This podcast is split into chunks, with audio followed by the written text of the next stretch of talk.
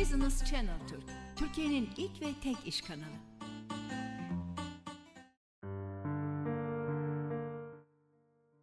Bu programımızda kendi sektörümüzden bir konuğumuz var. Ama tabii ki o biraz daha göz önünde olan projelerde olmuş. Burak Arslan konuğumuz. Kendisini siz de gördüğünüzde hemen zaten tanıyacaksınız, hatırlayacaksınız.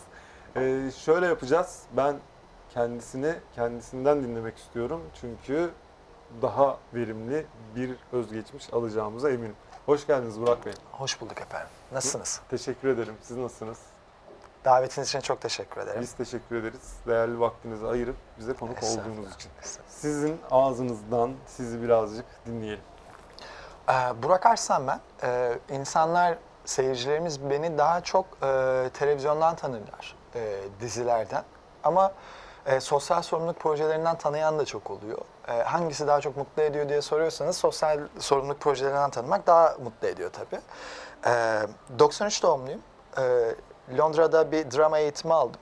E, London Academy of Music and Dramatic School Art'a o dönem seçilen üçüncü Türktüm. Haluk Bilginer ve İlker Kaleli'den sonra. E, onun yanında da insanlar beni daha çok işte dil bilmem, enstrüman çalmamla tanırlar. Yaklaşık 4-5 dil konuşabiliyorum. 12 tane enstrüman çalabiliyorum. Harika. Bunların hiçbirini akademik olarak yapmıyorum. Akademik olarak yapılmasını da çok sevmiyorum açıkçası. Çünkü e, böyle e, merakların e, akademiyle beraber köreldiğini düşünüyorum daha çok. E, Kırgın Çiçekler dizisiyle insanlar beni daha çok tanırlar. E, siz tanımamıştınız. Ama çok değiştiniz çok çok Burak çok Bey. ben onu çok seviyorum açıkçası. Yani e, Tarhan Telli vardır mesela çok yakın bir abimdir. Kendisini çok severim. E, bana şey der, bin bir surat der. E, oyunculukta da bunun çok kıymetli olduğunu düşünüyorum. Yani bir, bir sonraki projenizle bir önceki projenizin arasında hem fizik olarak hem surat olarak hem belki tecrübe olarak bir değişiklik olması benim çok hoşuma gidiyor. E, oyunculuğun da biraz temelinin bu olduğunu düşünüyorum. E, dolayısıyla e, seyircilerimiz oradan hatırlar beni. E, en son Avlu dizisindeydim. E, oradan hatırlarlar. E, o kadar şimdilik. Yeni projeler de var ama onları Var, var, konuşacağız. var, ama var, var. onlardan önce e, sizin için de çok önemli, benim için de gerçekten çok önemli sosyal sorumluluk projeleri.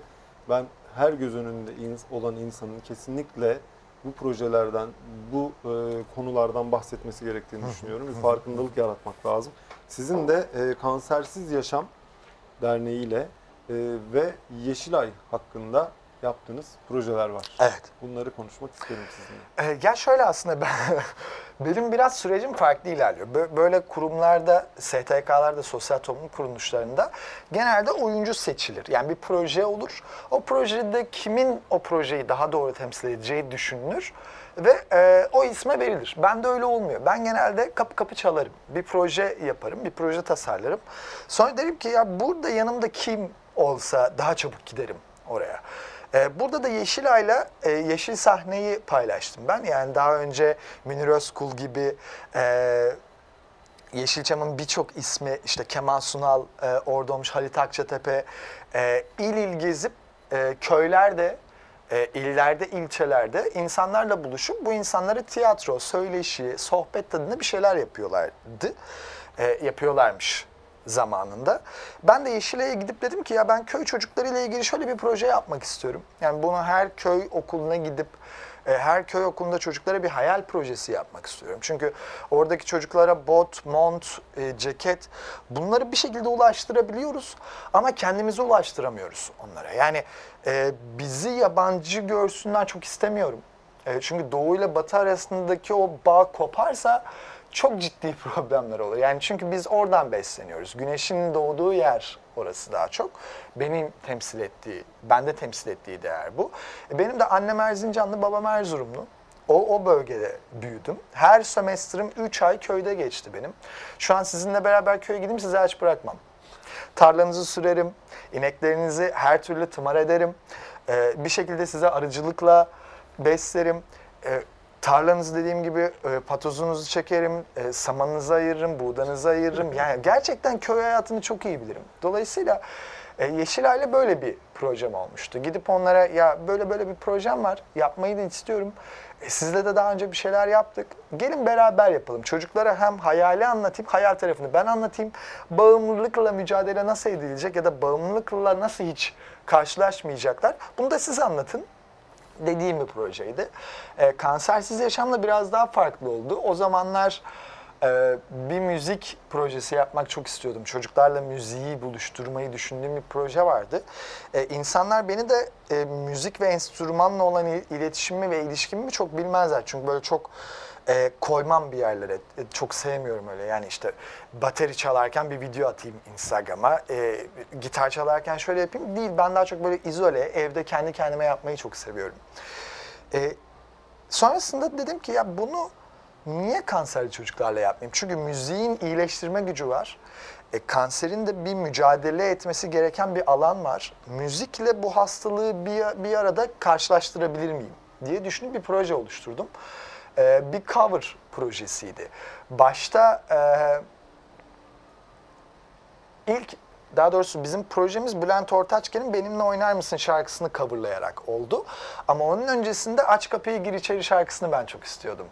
Ee, ismini unuttum eyvah. Ee, Özdemir Erdoğan. Özdemir Erdoğan. Özdemir Erdoğan'ın Aç Kapıyı Gir İçeri şarkısını coverlamak çok istiyordum ben.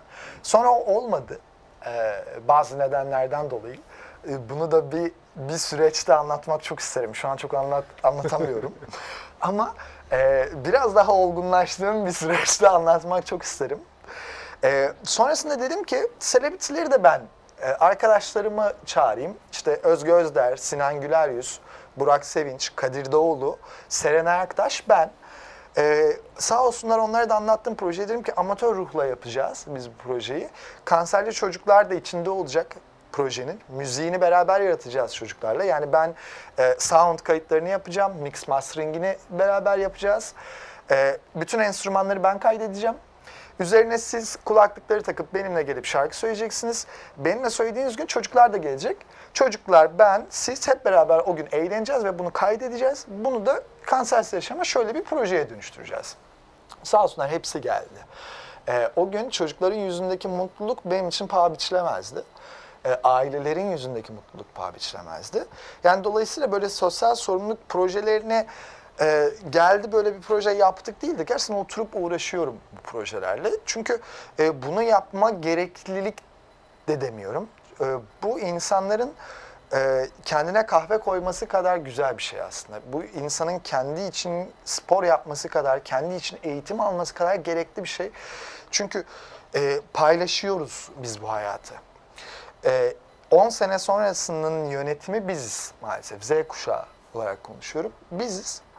E, bizden sonraki alfa kuşağı olarak da şu anın Z kuşağının son halkaları belki. Dolayısıyla biz onları görmezsek e, 10 sene sonra onlar bizi görmeyecek. Ve onların bizi görmemesi bizim onları görmememiz gibi olmayacak. Daha acı. Daha daha acımasız olacak. Çünkü onlar acımasız. E, olması gereken kadar acımasız. Evet. Belki ileride bizim onlara yardım isteyecek halimiz Şu bile anda da öyle. Şu anda biz onlardan yardım istiyoruz. Yani şu an e, pandemi döneminde kurtarılmış sektörlere bakın.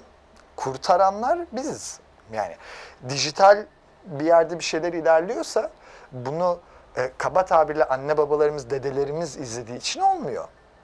Biz izlediğimiz için Bravo. oluyor.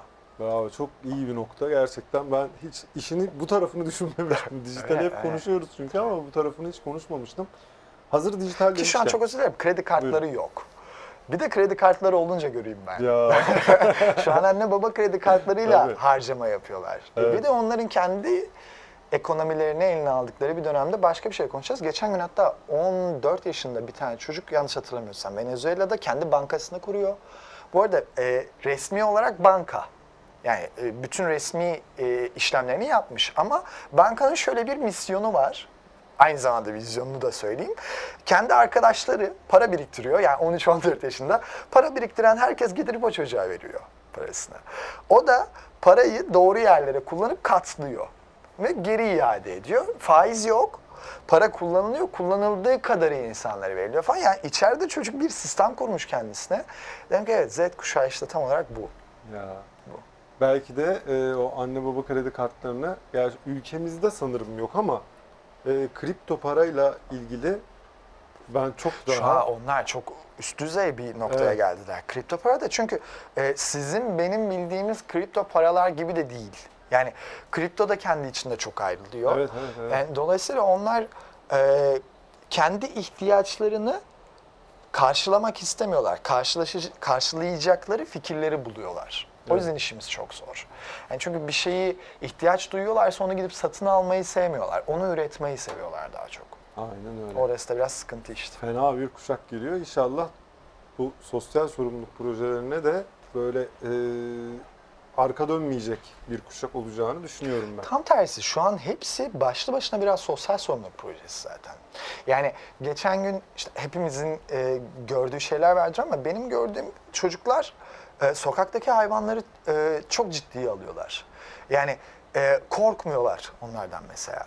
Yani burada ebeveynlerin de tabii ki bir e, payı var ama daha çok sosyal medyadan öğrendikleri için hayvanlarla ilgili e, bir şeyleri e, aileden bir bilgi almayı çok sevmiyorlar. Yani e, anne baba istediği kadar büyütsün. Onların kendi bilgi kaynakları var. E, bu bilgi kaynaklarından aldıkları bilgiyi de çok doğru değerlendiriyorlar.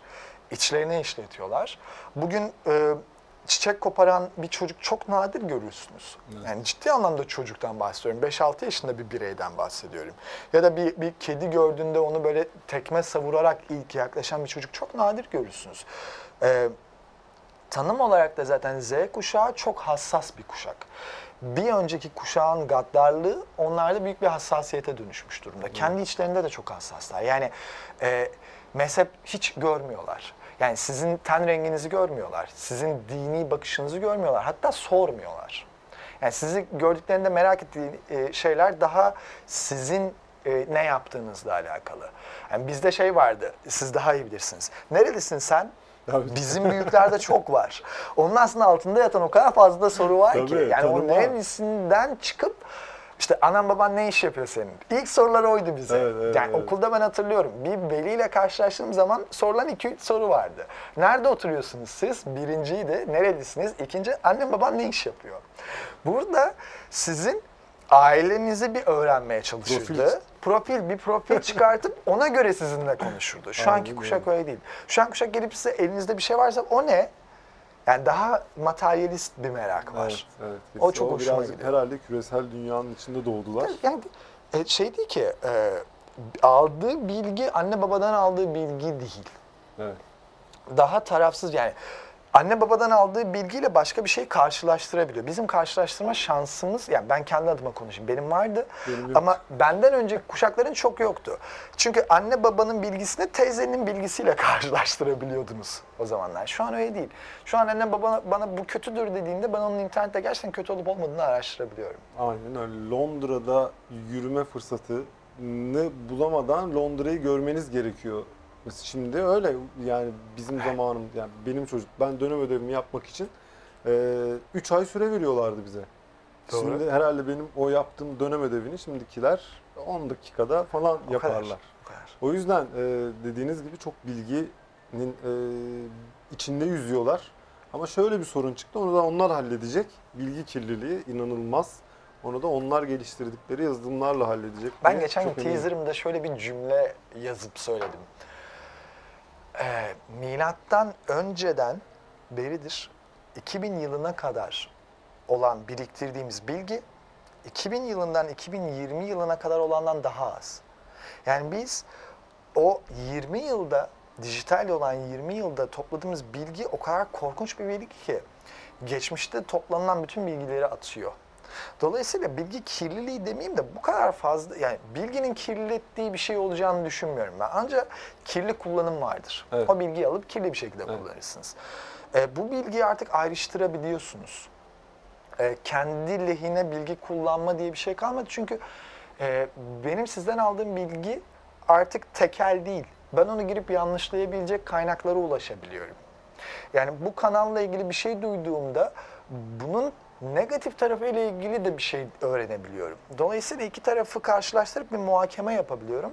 Kendi sonucuma gidebiliyorum. Önceden öyle değildi. Önceden kimin daha fazla gücü varsa o kendi bilgisini kaynak kabul ettirebiliyordu. Evet. Şu an o kalmadı. 1800'lerde, geçen okuduğum bir kitapta yazıyor, 1800'lerde e, yaşamış birinin hayatı boyunca alacağı bilgiyi şu anda bir ayda alabiliyor musunuz?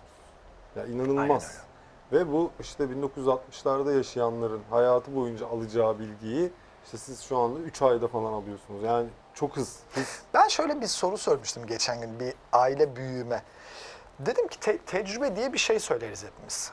Büyüklerimizden de hep tecrübe ediniriz. Hı hı. Tecrübe aslında bir insanın başından geçen kötü olaylar silsilesidir. Hadi böyle tanımlayalım bunu. E peki şu an 6-7 yaşında bir çocuk bu kötü tecrübelerden, bu kötü olaylardan edinilen tecrübeleri artık tabletinden ve bilgisayarından edinilebiliyor. Yani sizin 60 yılda gördüğünüzü o çocuk bir ayda görebiliyor. Kim daha tecrübeli oluyor bu noktada? Hadi bakalım. Yani gerçekten bir paradoks mu diyeyim yoksa bir çatışma mı? Ciddi bir çatışma aslında. Ama ben e, mesela Türker Kılıç Bahçeşehir Üniversitesi dekanıdır. Beyin sinir cerrahı aynı zamanda. Buradan da kendisine çok sevgiler ve saygılar. Bir dekan, e, yaşı da e, belli bir yaşın üzerinde. Fakat şunu söyleyebiliyor. Ben Z kuşağıyla konuşurken edindiğim tecrübeleri hiçbir kuşakta edinemiyorum diyebiliyor. Dolayısıyla e, bazı bazı insanlar burayı bir maden olarak değerlendiriyor. Bazı insanlar da anlam veremediği için anlam veremediğimiz her şeyden korktuğumuz gibi bu kuşaktan da korkuluyor tabii ki. Ama korkmayan çok ciddi bir güruh var. O güruh eğer Z kuşağıyla doğru birleşirse dünya başka bir yere gidecek. İşte şu an Elon Musk'ların bilmem nelerin bu insanların bu kadar kısa sürede ivmelenmesinin sebebi bu kuşak. Evet. Hepsi- Yoksa nereden bulacak o insanlar yatırımı? Yani Galile, hangi Galileo bugüne kadar e, taçlarla süslendi? Tabii. Hepsi, Hepsi de- hepsi idam edildi. söylediği şeylerde hepsi ne diyorlar? İşte Elon Musk'da, Google'da artık çok üniversite mezuniyeti bir şeyleri belirlemiyor. Evet. İşte bunların sebebi çok fazla Aynen bilgi sahibi olmaları. Yani üniversite artık yetişemiyor o çocuklara. Kesinlikle. Peki e, gördüğüm anda çok merak ettiğim dijital dizi projesi hakkında gerçekten merak ediyorum. Nedir? Çünkü hep konuşuyor herkes dijital yayınlar, dijital çağ, dijital yaşam, dijital dizi. Bu projeyi de anlatın bize biraz. Seve Burak seve. Ee, bu sene ben e, daha doğrusu 3 yıldır, daha doğrusu ta 13 yaşımdan beri benim bir hikayem vardı. Hayatla ilgili bir hikayem vardı. Ee, bugüne kadar geldiğim noktaya da gelmemi sağlayan şey hep o hikayem oldu. Yani öncesinde, oyunculuk öncesinde bir futbol geçmişim olması, onun öncesinde e, bir prematüre bebek olarak doğmam. Ee, o prematüre bebek doğduğum dönemin hemen sonrasında da bir hastane süreci falan yani bir hayatımda bir hikaye var benim. E, bu hikayenin hayatımda neye dokunacağını hep merak ederdim. Yani bu, bu bir yerde neye dönüşecek hayatımda diye. E, bu dijital diziye dönüştü aslında. Şöyle dönüştü, biz işte e, kendi jenerasyonumu çok önemsiyorum. E, çünkü bu, bu kuşağın gerçekten insanlık tarihinde yeni bir rönesans başlattığını görüyorum. Dijital bir rönesans başlıyor. Artık iyi ve kötü işleri çok rahat görebiliyoruz. Ayırt etmeyi bir kenara bırakıyorum ama görebiliyoruz. Dijitalleşmek de aslında benim için şu, konvansiyonel dışın, konvansiyonel olanların dışında gelişen her şey benim için dijitaldir. Yani artık dokunabildiğimiz. Çünkü önceden bir ünlü imajı vardı hatırlarsınız, ulaşılamaz olmak. Gizem. O zamanlar oydu. Yani insanların görünmez olması halk tarafından benimseniyordu. Dijital dönemle beraber insanlar artık touch hissini benimsedi. Yani dokunabileyim istedi. Ee, biz de dijital diziyle dedik ki ilk defa e, peki seyirci dizinin içerisinde olsa, bizimle beraber yönetse, bizimle beraber yazsa, bizimle beraber oynasa, bizimle beraber afişleri seçse, bizimle beraber müziklerini oluştursa, hatta bir karakter yazabilse, bu karakteri kas direktörü, yönetmen, yapımcı, yapım koordinatörü olarak biz data büyüyünce kontrol edemeyiz. Yani 10 tane senaryoyu okuyabiliriz, evet. 10 tane oyuncuyu da seçebiliriz, evet. Ama 100 bin olduğu zaman ne yapacağız? Seyirciden 100 bin senaryo datası gelse, 100 bin oyuncu datası gelse biz bu datalarla ne yapacağız? Ee, burada bir yapay zeka geliştirmek ben çok istiyordum. 13 yaşında bir hikayem vardır benim. Ee, futbol manager oynuyordum ben. Delisiydim futbol manager'ın. Ee, ve bilirsiniz save and exit yapamıyorsunuz çoğu zaman. Yani Evet, evet. bir maç oynuyorsunuz. Ee, bilmeyenler için söyleyeyim. Bir futbol maçı oynarsınız. Galatasaray, Fenerbahçe bir maç oynuyordur. Ve siz o maçı yenilmişsinizdir. Yenildiğinizde fikstürde geriye düşüyorsunuz oyunda. Geriye düşmemek için o maçı bir daha oynamanız gerekiyor. Şimdi ben Galatasaray Real Madrid'de takılmıştım Şampiyonlar Ligi'nde. Ve o maçı o gece 96 kere tekrar ettim. Yani şöyle yapıyordum artık. e, alarm kuruyordum. Yani e, maçı tekrar ettiriyordum. Sonra uyumaya çalışıyordum. Alarm kuruyordum. Biliyordum 3 dakika sürüyor. 3 dakika sonra uyanıyordum. Yendiysem kaydedip kapatacağım, uyuyacağım. Yenemediysem tekrar oynayacağım. Sabah dedim ki bu böyle olmayacak. Yenemiyorum çünkü Real Madrid'i. Ben dedim oyuncuların iç güçlerini değiştireyim. Hani Arda Turan'ın işte o zamanlar daha gençti. Arda Turan'ın gücünü değiştireyim, şunun değiştireyim, bunun değiştireyim ve e, oyuna müdahil olayım aslında. Oturup e, bir crack yazdım. 13 yaşında oyuna. Çok meraklıydım o zamanlar. E, o crack'in de yaptığı şey oyunun içerisinde siz varsınız zaten biliyorsunuz. Hani bir e, yönetici olarak varsınız oyun içinde ama bu yönetici biraz fake bir yönetici. Hani oyunun izin verdiği kadar dahil olabiliyorsunuz. Hayır ben bu yöneticiyi tamamen yönetici yaptım. Sonra girip işte takımımın bütçesini yükselttim. İşte scout ekibini değiştirdim. Antrenman tarzını değiştirdim. Takımdaki oyuncuların değerini yükseltebiliyordum. Yani atıyorum 50 milyon dolarsa oyuncunun e, değeri ben onu crack sayesinde 70 milyon yapıyordum. O gün satıyordum oyuncuyu. O parayla kendime altyapı oyuncusu alıyordum. İşte o zamanlar Kun Agüero'ydu hatta. Hatırlarsın. İşte Mamadou Sakho falan vardı böyle demirbaşlar. Onları aldığınızda potansiyelini biliyordunuz oyuncuların ve 3 sene sonra oyuncunun bitiriciliği 18 oluyordu, işte tekniği 19 oluyordu filan. Bu benim içimde nasıl yer ettiyse e, dizinin algoritmasını yazmaya karar verdiğimde buradan faydalanmak istedim. O günümden faydalanmak istedim. O günkü ihtiyaçlarımdan faydalanmak istedim. Ve oturup seyirci gibi düşündüğüm ama yönetmen olarak ve yapımcı olarak tasarladığım bir algoritma geliştirdim. Bu algoritma diziyle seyirci arasında bir köprü kuruyor. Bu köprüyü Quick Response'la yapıyor. Yani QR kodla yapıyor. Siz dizinin içindeki QR kodlarla bir arayüze dahil oluyorsunuz. Bu arayüzde dizinin mevcut karakterlerini de değiştirebiliyorsunuz.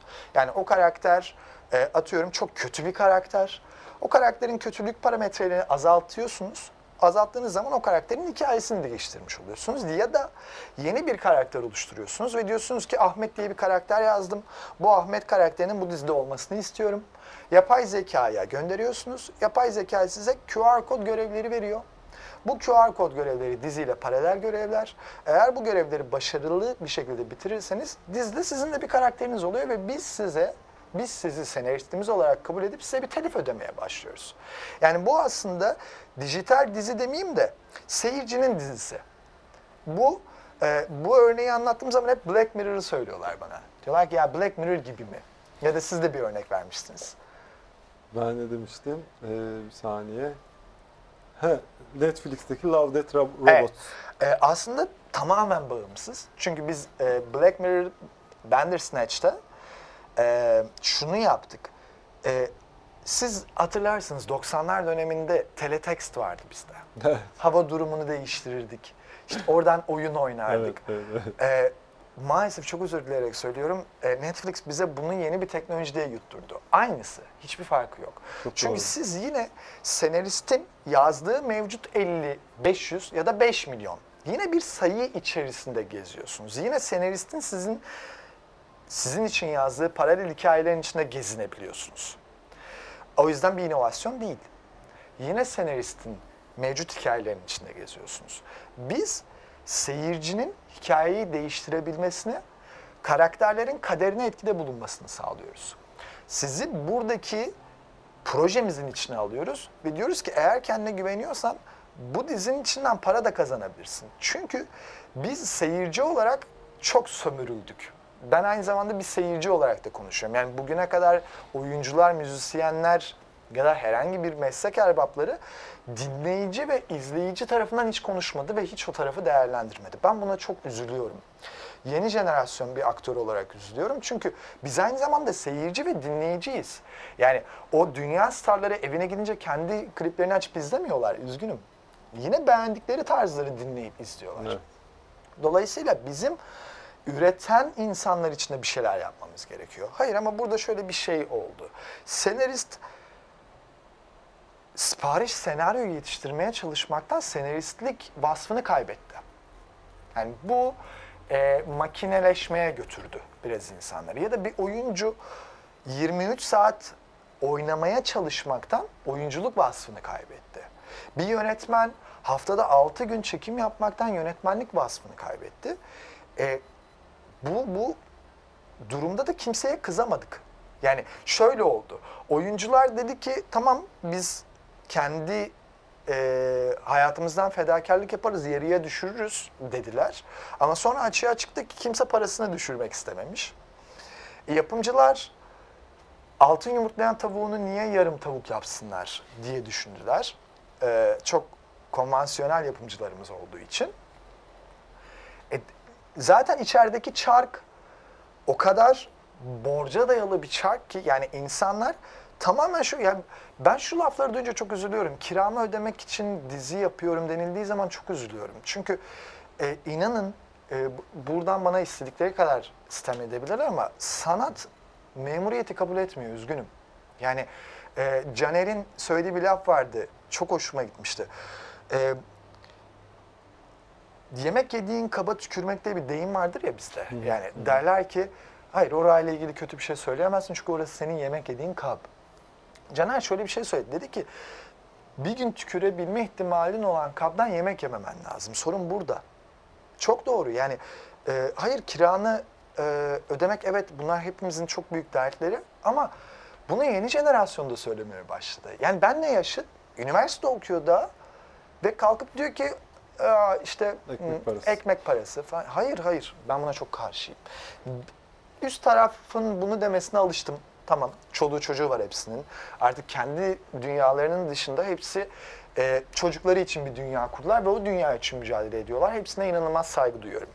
Ama alttan gelen bu jenerasyon üst tarafı arattırıyor bana şu an. Daha kötüler, daha e, vizyonsuz hareketlerde bulunuyorlar. Ben de bunu doğru bulmuyorum. Yani ölümü gösterip sıtmaya razı olacak bir jenerasyon değiliz biz. Evet. Dolayısıyla bu değişiyor.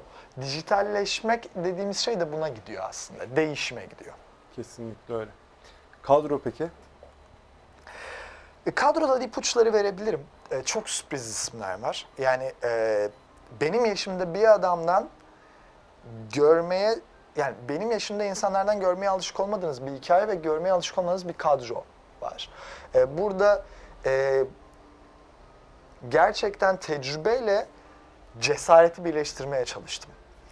E, çok tecrübeli isimlerle çok yeni isimler birleşiyor. Hikaye olarak da e, isim olarak da mesela Zeynep Alkan e, bu kadronun içerisinde yer alıyor. E, Hamdi Alkan'ın kızı. E, Seren Aktaş bizimle beraber. E, Okan Bayülgen bizimle beraber. E, bunun yanında Binnur Kaya bizimle beraber. Yani bizim e, projemizin içerisinde e, mutlaka bir yeri olacak. Çok istiyorum ben. O da bu projede olmayı e, çok istediğini bize bildirdi. E, şartlar hala konuşuluyor. Hala tam olarak evet şu diyemiyorum. E, lakin gönül olarak birleştiğimiz isimler bunlar. E, bunların yanında da birkaç tane daha çok sevdiğim, çok bu projede olmasından mutlu olduğum isimler var. Ama biraz daha beklerlerse en azından karşılarına e, daha somut cümlelerle çıkarım. O da beni daha mutlu eder. Ama şu an için kurduğum dünya, dediğim gibi Binnur Kaya, Okan Bayülgen, Zeynep Alkan, Seren Ayaktaş, ben daha tecrübeyle cesaretin birleşmesini istediğim bir alan. Çünkü bana gelip diyorlar ki ya Okan Bayülgen ne alaka? Diyorum ki yani Okan Bayülgen'in oyunculuğunu bizim jenerasyonun bilmesi gerekiyor.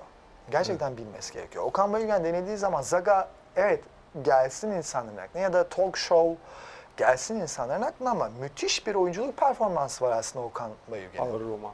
ağır roman. Yani Okan abi bana sordu biliyor musunuz? Dedi ki e, Ben ona projeyi anlattım e, ve umutsuz değildim. Çok umutluydum anlatırken. E, tamamen kendi çabalarımla gittim karşısına ve e, sağ olsun e, kendi çabasıyla giden insanları karşısına alıyor.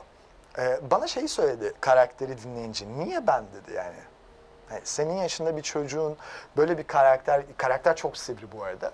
Böyle bir karakter yazıp beni düşünme sebebini merak ettim dedi. Tam olarak onu söyledim. Ağır romandaki performansınızı bizim jenerasyonumuzun görmesini istiyorum dedim. O da tebessüm etmişti. Do- dolayısıyla dediğiniz çok doğru. Çok Evet. doğru. Kesinlikle yani en az üç kere izlemişimdir baştan sona.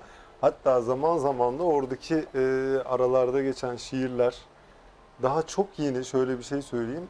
Orada başında dizinin için başlarken ki anlattığında bir karakterden bahsediyor, bir isimden bahsediyor şiirin içinde. Polonya'nın e, Atatürk'ü demeyeyim ben kimseyi yakıştıramıyorum Atatürk'ün yanına.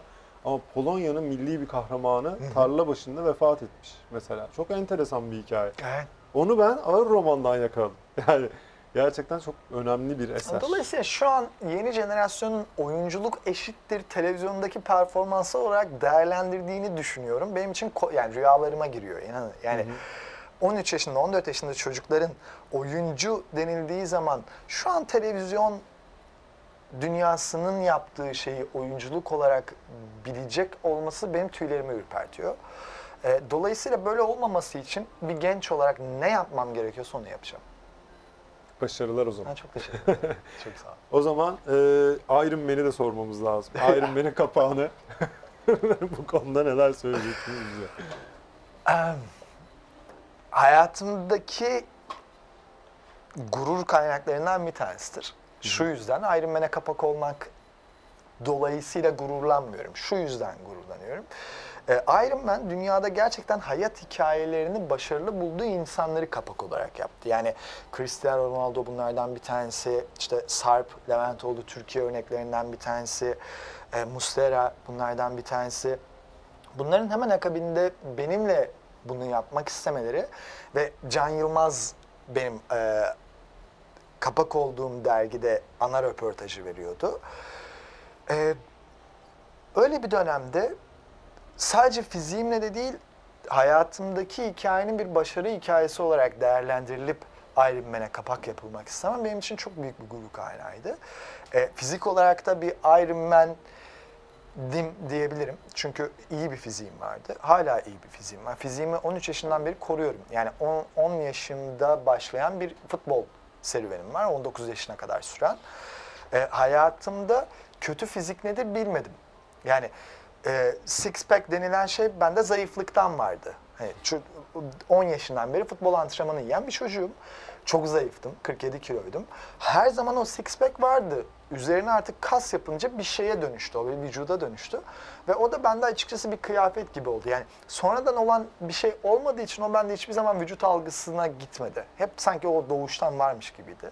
Dolayısıyla o dergiyle de bunlar birleşti. Ne güzel. Güzel birleşti. Ama şimdi bir de kırgın çiçekler var ki Evet ya. gerçekten Evet ya, ilk göz benim de yani. uzun bir süre takip ettim. Aslında kıza kıza böyle etmek istemeye istemeye yani böyle diziler insanı panik eder. Bu konuda bu konuda seni Çevirin. rahatlatabilirim. Yani Öyle ciddi mi? anlamda rahatlatabilirim. Tamam hemen bekliyorum rahatlatmanızı o zaman Burak Bey.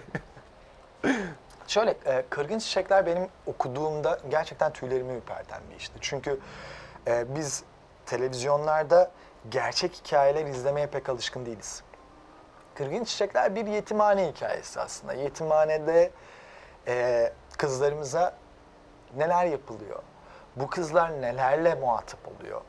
E, hadi bir de dediler e, Gülabuz Semerci'nin hikayesidir. İşte bu perspektifi biraz daha genişletelim ve bu yetimhane çocukları kolej hayatının içine düşerse ne olur?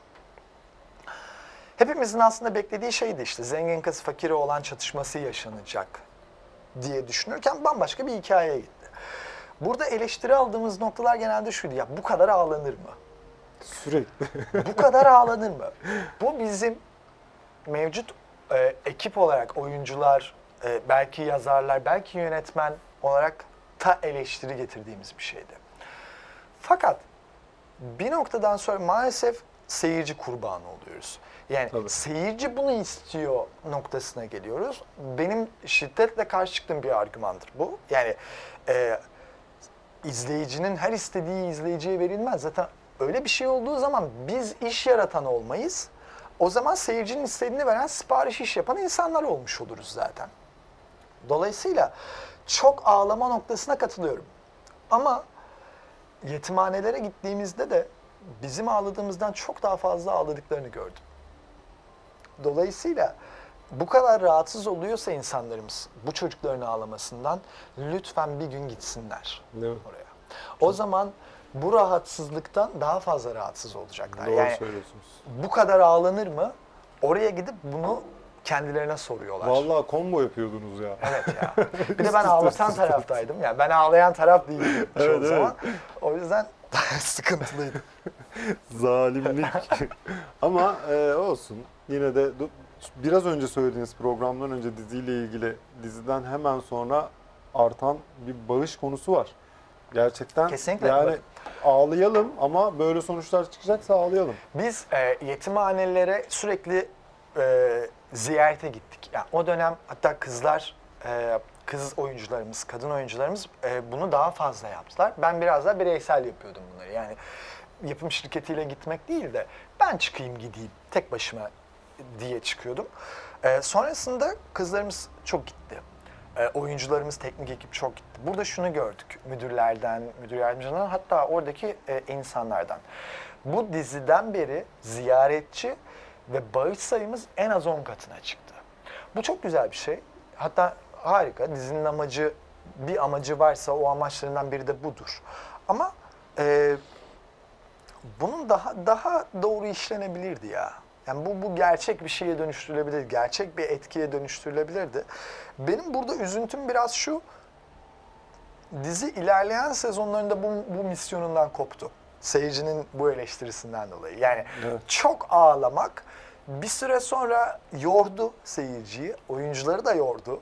Çünkü siz bir de bunun oynayan tarafını düşünün. Yani Tabii. siz bir kere ağlamayı görüyorsunuz ama orada inanın ki 6-7 kere ağlama sahnesi çekiliyor ve bunların e, kaçı göz damlasıyla çekiliyor? Bir de e, şöyle bir şey var. Şimdi ben düşününce şimdi oradaki kızların hepsi çok güzel kızlar. evet ya. E, ve orada sürekli itilen, kırılan, ağlayan bir rol. Belki onların kariyerleriyle ilgili unutturmak için o kızı uğraştılar Ya, ondan sonra değil mi? Bilmiyorum. Birazcık. Arka sokaklar etiketi diye bir şey vardır bizim Evet, dizi, evet, dizi dünyası jargonunda. Yani bir işi çok uzun süre yaparsan o işin hem artık kalitesi biter hem de o iş üzerine yapışır ve o işten sonra o olarak değerlendirilsin. That's true. Bu çok doğru bir argüman. Ee, o yüzden birinci sezon ayrıldım falan. Hayır, o zaman okulumla ilgili bir şeyler vardı. O yüzden de ama gerçekten bir sezondan fazla iş yapmıyorum. Yani bu- bunu böyle çok imkanı olan biri olarak da söylüyorum. Hayır, bir, bir sezon bir iş için yeterlidir. Bir hikaye bir sezon anlatılmalı. Ki yeni hikayeler türeyebilsin. Evet. Şimdi siz bir hikaye 6 sezon demek 6 sene demek. Bir ergenin olgunlaşma sürecidir 6 sene. Tabii, e şimdi tabii, ben tabii. bu, bu çocuğu niye 6 sene bu hikayeyle muhatap bırakayım ki? Hayır, bu hikayeden anlatmak istediğimizi bir an önce anlatıp yeni anlatmak istediğimiz konuya geçilmesi beni en çok mutlu eden. E, Türkiye'de de e, yapım tarafları bu riski çok sevmiyor. Yani çünkü yeni bir konu demek yeni bir risk demek. Yeni bir e, topluluk bulmanız demek. Yeni bir ekip bulmanız demek. O yüzden e, copy paste çok güzel, çok risksiz. Değil mi? Aynen Mis, öyle. Basit, tertemiz. kolay. Biz de zaten Yani halk olarak dönem bunu dizisi seviyoruz. mi? Bütün kanallar dönem dizisi. Asker dizisi mi? Bütün kanallar asker dizisi. Ee, bunun ileride neye sebep olduğunu yapım şirketleri bizzat kendi infiyaklarıyla görecekler. Yani kendi infial etmeleriyle farkına varacaklar. Ama o, o dönem o dönem herhalde elime kahve alıp izleyenlerden olacağım. Hayırlısı. Çok çok güzel bir dönem olacak. Çünkü bu, yani bu, bu doğru bir şey değil. Değil. Yani bu kadar aynı şeyin yapılması nın bir, bir savunması yok bende. Kesinlikle. Yapılmamalı. Yani Bence de yapılmalı. yapılmamalı. Tembellik. Zaten bir süre sonra şey de e, insanları rahatsız etti. İşte bunu tabii ki dizilerden söyleyemedi hiçbir seyirci. Söylediği alanlar işte kadın programları, gündüz kuşakları. Ama gündüz kuşakları aslında akşam kuşağındaki dizilerin tekrarı oldu. Hiç fark, fark ettik mi? Yani akşam ne izliyorsak sabah da ona döndü. Önceden sabahları böyle daha mutluluk hormonu salgılayan Seda bir kuşak vardı. Yani serotonin salgılıyordu gerçekten. Ne olursa olsun mutlulardı. Sonra akşamki reytingler ve şeyler o kadar iyi geldi ki Sabah da ağlatalım. sabah da artık birbirini bıçaklayan insanlar. ağlasınlar. Sabah 9'da cinayet haberleri yani cinayet kuşağı görmek nasıl bir psikolojidir? Ya. Ne, ne bekliyorsunuz sabah 9'da cinayet görüp akşam 9'da cinayet gören bir insanın ertesi gün size elinde çiçekle gelmesini mi bekliyorsunuz? Ya. İmkansız. Valla Burak Taşlayacaklar beni ama Yok, ben bu taşları seviyorum. Gelecekse taşlar buradan gelsin. Aynen öyle. Ben de hep söylüyorum. Yani konuşmazsak, e, hep susarsak olmayacak. Yani birilerinin konuşması lazım. Bir de be- yani 5 sene önce de böyle konuşuyordum. O yüzden çok rahatım. Yani Evet, ben evet. oyuncu olmadan önce de böyle konuşuyordum. Futbolcuyken de böyle konuşuyordum. Dizi dünyasının içinde de böyle konuşuyordum. Yani ben e, dijital dizi diyorum şu an size. Diyorsunuz ki bu ne? Ben bunu dizi oyunculuğu yaparken yapıyordum biliyor musunuz? Aslında şöyle oyuncularla e, seyircileri buluşturabilmektir dijital dizi demek. Yani oyuncularla seyirciler nasıl buluşabilirler? Nasıl etkileşime geçebilirler? Şu an dijital medya bunu yapabiliyor. Yani bir QR kod üzerinden bir dizi karakteriyle seyirciyi birleş, buluşturabilirim. Ben bunu dizi içerisinde yapıyordum. Hatta benim e, isim vermeden söyleyeyim bir diziden ayrılma sebebim buydu. Bana dediler ki seyirciyle niye konuşuyorsun? Aa dedim yani size ne? Ben bu karakteri oynayan biri olmak dışında bir de insanım. İzleyiciyim. Aynı zamanda bu diziyi izleyen biriyim. Ve ben de seyirciyle düşüncelerimi belirtmek istiyorum. Bunda ne var? Dediğimde hayır sen bunu yapamazsın. Hayır ben bunu yaparım. Hayır yapamazsın. Onların dediği oldu. Yapamadım. Peki Burak Arslan, e, gerçekten sohbete doyum olmuyor. Aa, çok Konuşacak teşekkür ederim. çok konu var. Ben sabaha kadar konuştum. Olsun, Ben konuşalım. Gene bekleriz. Yine konuşalım. Hep ben, ben konuşalım. sizi beklerim. Ben geleceğim Ben inşallah. Çok sevinirim, çok mutlu olurum. Son olarak peki Burak Arslan'dan şöyle e, bir mesaj alalım. Hem sokak hayvanları, hem bu sosyal sorumluluklar, hem spor, hem gençler onların hepsine böyle toptan bir mesaj alabilirsek çok sevinirim. Yani e, ahkam kesebilecek bir yaşta değilim. E, sadece şunu söyleyebilirim. Kapılarının öne- önünü çok dikkate alsınlar. Yani biz kapımızın önüne hiç bakmadan o kadar farklı kapılara laf ediyoruz ki. Mesela diyoruz ki komşunun kapısının önü çok pis. Oysa ki bizim kapının önü daha pis. Komşunun kapısının önünde biri öldürülmüş diyoruz. Oysa ki bizim kapımızın önünde işlenen cinayetlerden bir haberiz. Kapısının önünde açlıktan ölen hayvanları görmüyor insanlar. Kapısının önünde işlenen cinayetleri görmüyorlar. E, kapısının önündeki pislik görülmüyor. Kapısının önü daha iyi nasıl olur değerlendirilmiyor. Onun yerine hep karşı taraf, karşı bina, hatta biz bir sokak ötesindeki bina, hatta ve hatta hiç görmedikleri karşı mahalle binaları. Benim herhalde tek mesajım bu olur. Yani önce biraz kendi kapımızın önüne bir bakalım. Ya ben ben hep onu yapmaya çalıştım. Yani ben bir sosyal sorumluluk projesi yaparken, tasarlarken hep şunu dedim. Önce bunu kendi kapımın önünden başlatayım. Yani bir kendi binamda e, kıyafet olmayan biri var mı? Bir bunu bir sorayım. Kapımın önüne bir mama kabı bırakayım, bir su kabı bırakayım ve onun yanına bir kamera koyayım. Hatta ne geliyor oraya yani böcek mi geliyor, biri geliyor tekme mi atıyor, hayvanlar mı geliyor? Tek e, söyleyebileceğim kaydetsinler. Akşam izledikleri zaman yaptıkları şeyin ne olduğunu anlayabilirler. Biz biraz içi içi çok boşaltılmış bir dünyaya bırakıldık. Yani kavramların içi çok boşaltıldı. Sevgi dediğiniz zaman ya o o sevgi kelimesi içi çok boş. Duyar dediğiniz zaman bunlar duyar kasmak diye bir şey oldu. Kavramların içi boşaltılmış bir durumdayken çok da bir şey yapamayız. Önce bu kavramların içinin de olması lazım. Bu da daha bireysel bir şeyle. Yani e, biz bireyselleşemeden evrenselleşmeye çalışıyoruz. Bu çok riskli bir şey. Önce bir iç donanım. İç donanım olmadan e, dışarıya yapabileceğiniz şey yoktur benim gözümde. Ben de her zaman şunu söylüyorum. Gerçekle yüzleşelim. Yüzleşin ya gerçekle ki kimse o gerçekle sizi yüzleştirmez. O Benim zaman daha der- acı. çok çok doğru söylüyorsunuz. Ee, Son laf olarak da şunu söyleyebilirim. Benim derneklere bağış yapan bir arkadaşım vardı. Ee, Bana gelip şöyle bir şey anlatmıştı. Burak hayatım boyunca derneklere bağış yaptım. Ama geçen gün kapımın önünden bir çöp konteyneri kedi aldı. Yani ben kendi kapımdan hiç bakmamışım. Evet? Ve bu, bu onun hayatında e, artık derneklere bağış yapmak yerine hayvanlar bulup önce kendi kapısının önündeki hayvanlara bir bakıp ondan sonra diğer kapılara git, gitmeyi söylemişti ve bu inanılmaz hoşuma gitmişti. Çok teşekkür ederim. Ben teşekkür ederim. Gerçekten güzel bir sohbetti. Hem mesajlar hem sizi biraz daha tanıdık. Ee, inşallah böyle tekrar tekrar ekranlarda görürüz İnşallah. projelerle birlikte. İnşallah. Çok teşekkür ederim. Ben teşekkür ederim. Gerçekten e, birçok şey konuştuk. Uzun da bir süre tuttuk sizi biliyorum ama değdi inanın. Güzeldi sohbet ve neler olacağını, bu Z kuşağını en çok üstünde durulan ana konu o oldu neredeyse. ama güzel de oldu. Z kuşağından birini ağırlayınca? Doğru. Kendinize çok iyi bakın. Görüşmek üzere.